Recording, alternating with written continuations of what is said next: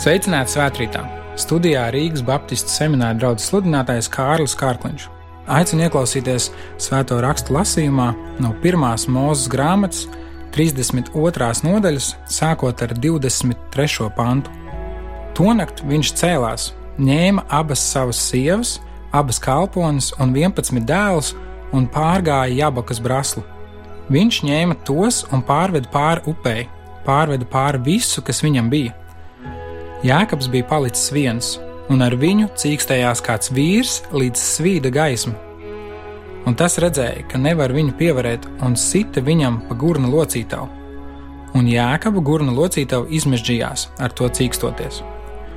Un tas teica: Atlaid mani, jo svīst jau gaisma, bet viņš teica: Es tevi nelaidīšu, kamēr tu mani nesvētīsi. Un tas viņam teica: Kāds ir tavs vārds? Un viņš teica: Jēkabs un tas teica: Tevi vairs nesauks vārdā Jēkabs, bet gan Izraels, jo tu cīkstējies ar Dievu un cilvēkiem un uzvarēji. Un Jēkabs jautāja: Pasaki man savu vārdu, un tas teica: Kāpēc tu prasi manu vārdu? Un tas viņu tur svētīja. Un to vietu Jēkabs nosauca vārdā Penuēlu, jo es redzēju Dievu vaigu vaigā un paliku dzīvs. Un kad viņš gāja garām Penuēlai, pār viņu uzlēca saule un viņš kliboja savu gurnu dēļ. Tie bija Dieva vārdi. Āmen!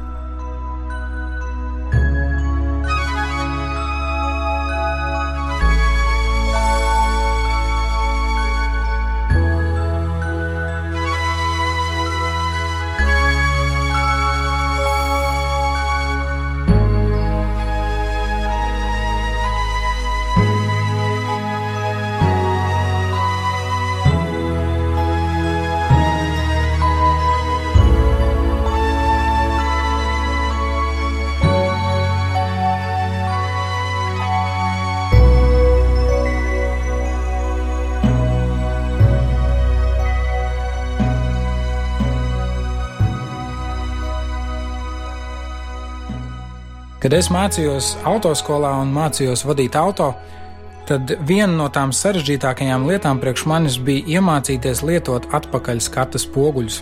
Ja es tajos skatījos pārāk ilgi, tad es zaudēju uzmanību no tā, kas notiek man priekšā uz ceļa, un uh, brīžiem tas pat kļuva bīstami.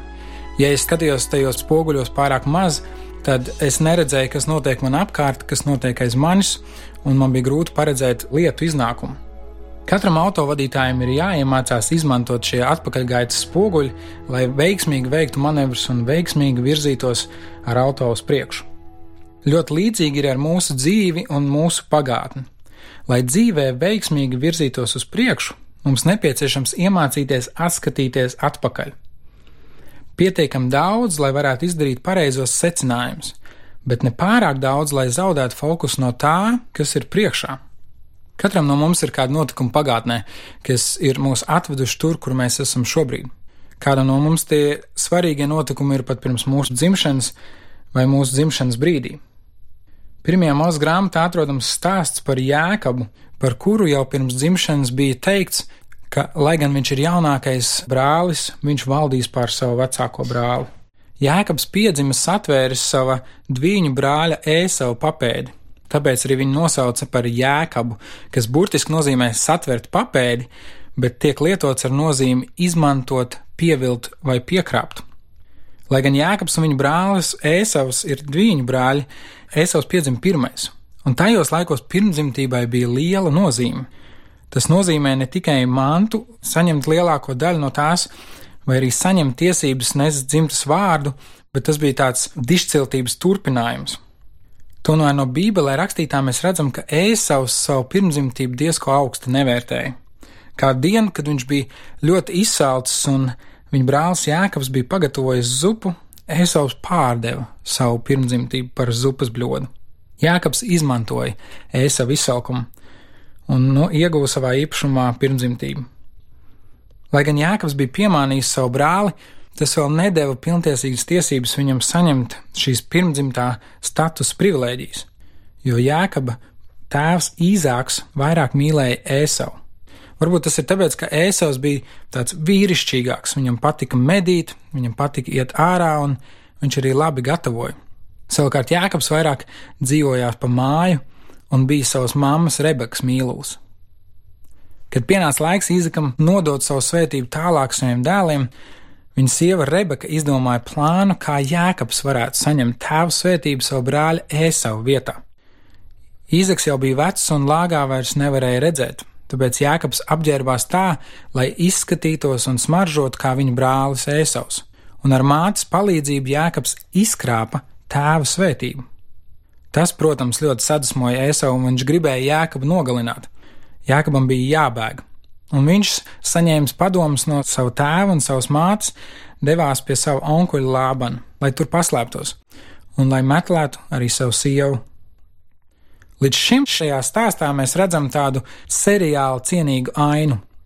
Jēkabs dzīvo savam vārdam atbilstošu dzīvi. Viņš krāpjas, mānās, viņš mēģina panākt, lai lietas notiktu viņam par labu. Attiecības ģimenē ir sabojāts, un Jēkabam nāks kļūt par bēgli, lai glābtu savu dzīvību. Ceļā Jēkabs sapnī sastop Dievu, un līdz šim dievbijība nav bijusi spēcīgākā iezīme Jēkabā dzīvēm. Viņš pats savā gudrībā un ar viltu ir centies dzīvē, tā teikt, izsisties, un nekas labs no tā nav sanācis. Lai gan viņš ir ieguvis tēva svētību, viņš ir ieguvis šī pirmdzimtā statusu, viņam ir jāpamet tēva mājas un ģimene, bet nu viņš ir sastapis Dievu. Un viņš dod Dievam solījumu, sakot, ja Dievs par viņu rūpēsies, tad Jēkabs sakos Dievam. Te nu mums nāks mazliet apstāties stāstā ar Jēkabu un paskatīties katram pašam uz savu dzīvi. Vai nav tā, ka arī mēs paši ar savu spēku un savu gudrību cenšamies celt un veidot savu dzīvi, bet kādā brīdī atopamies, ka ne viss mums izdodas? Kādā brīdī atopamies pret šķēršļiem, kas liekas netaisnīgi, kas liekas nepārvarami. Tas brīdis ir īstais, kad vērsties pie Dieva, brīdis, kad mēs varam apstāties savā dzīves steigā un ļaut Dievam mūs sastapt un uzrunāt. Pēc šīs tikšanās ar Dievu šķiet Jēkabam tiešām lietas sāk kārtoties un sekmēties. Viņš atrod skaistu meiteni vārdā Rāheli un iemīlas tajā. Viņš arī saņem labu darbu pie savu topošā sievas tēva. Viņi vienojas, ka Jēkabs septiņus gadus strādās par ganu, lai varētu ņemt Rāheli sev par sievu. Bet pēc šiem septiņiem gadiem izrādās, ka Jēkabs beidzot ir saticis sev viltībā cienīgu pretinieku. Viņa sievas tēvs un reizē arī onkulis rīko lielas dzīves, piedzirdi jēkabu un viņu apmāna, Rāhels vietā dodams viņas māsu Lēā viņam par sievu. Reizēm mums cilvēkiem liekas, ka sastapšanās ar Dievu automātiski nozīmē visu problēmu atrisināšanu un Dieva svētību ik uz soļa. Tā gluži nav, un to mēs redzam arī Jēkaba dzīvē. Jēkabam nākas strādāt vēl septiņus gadus arī par otru māsu, Šo gadu laikā viņš piedzīvo dažādas viltības un neapmierinātību, kas vērstas pret viņu. Tā viņš šķiet, ka jēkaba pagātne viņu vajā. Viņš izmantoja savu brāļa vienaldzību, lai iegūtu pirmdzimtību.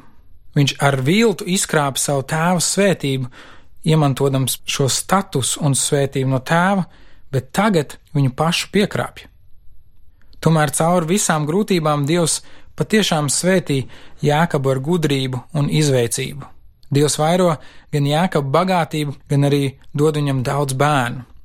Bet viņa attiecības ar sievstāvu vēl vairāk sāsinās un kļūst sarežģītākas. Jēkabs saprot, ka viņu māna šo vienošanos, kas viņam ir ar sievstāvu, vairākas reizes izmaina, un viņš nolēma paslēpus atstāt savu sievstāvu Lābana namu un doties atpakaļ uz savu tēva mājām.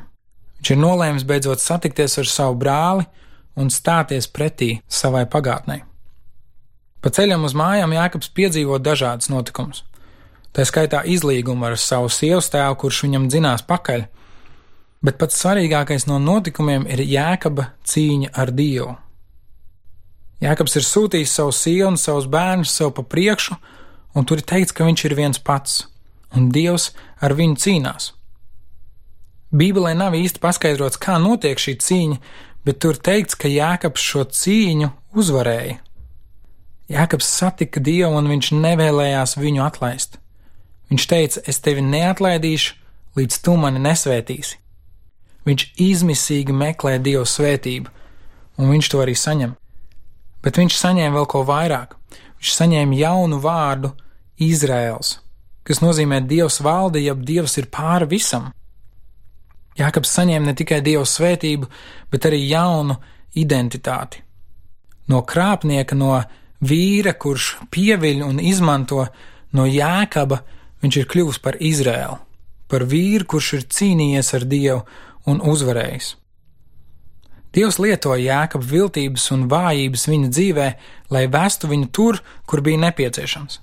Tomēr svarīgākā cīņa, kas jēkabam bija jāizcīna, bija ar Dievu. Nevis ar brāli, nevis ar vecākiem, nevis ar savu sievas tēvu, bet tieši ar Dievu. Viņam bija jāatrod šī jaunā identitāte Dievā, lai varētu turpināt doties tālāk uz priekšu dzīvē un piepildīt to aicinājumu un uzdevumu, kas viņam bija no Dieva. Jākab pēcnācēji kļuva par tautu, kuru Dievs izveda no Ēģiptes verdzības un ieveda apsolītajā zemē. Caur šo tautu Dievs piepildīja vēl lielāku apsolījumu un deva pasaulē glābēju - savu dēlu, Jēzu Kristu. Katram no mums ir mūsu pagātnes notikumi, kas ietekmē to, kas mēs esam. Ja mēs kavējamies tajos un ļaujam tiem noteikt savu identitāti, tad tas ir tāpat kā braucot ar auto, mēs pārlieku raugamies šajos atpakaļskatu spoguļos. Mūsu braukšana sanāk ne tikai nepārliecināta un nedroša, bet reizēm pat bīstama.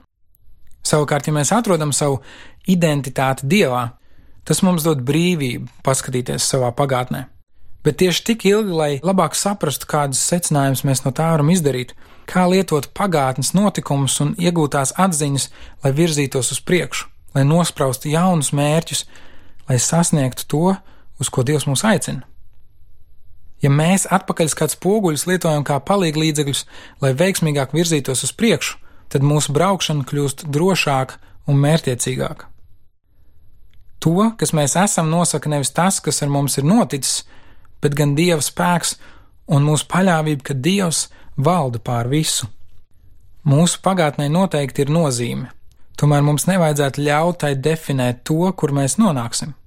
Jākabs saprata, ka nevēlas vairs pats censties savā gudrībā, viltībā un ar krāpniecīgiem paņēmieniem virzīt savu dzīvi, jo līdz šim tas viņam nebija nesis nekādus augļus. Jēkabs neatlaidīgi cīnījās ar Dievu, lai saņemtu viņa svētību. Lai Jēkabs piemērs pamudina arī mūs vērsties pie Dieva un cīnīties un teikt: Es tevi neatlaidīšu, līdz tu man nesvētīsi. Dieva vārds saka, ka Kas lūdz, tam dos, kas klauvē, tam atvērs, un kas meklē, tas atradīs. Āmen!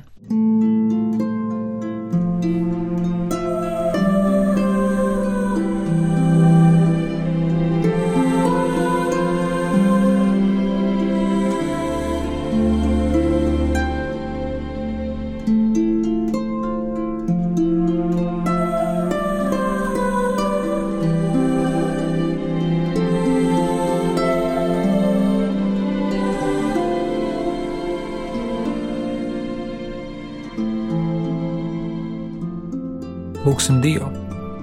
Debes Tēvs, tu redzi mūsu katru savā dzīves gājumā. Tu redzi to, kas ir bijis aiz mums, un to, kas notiek tagad, un arī to, kas mums vēl sagaida priekšā.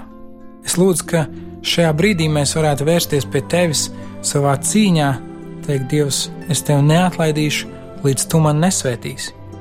Ka mēs katrs varam nolikt to, kas mēs esam, ko dzīve mūs ir veidojusi, nolikt Tavā priekšā un teikt, Dievs, Es gribu jaunu vārdu.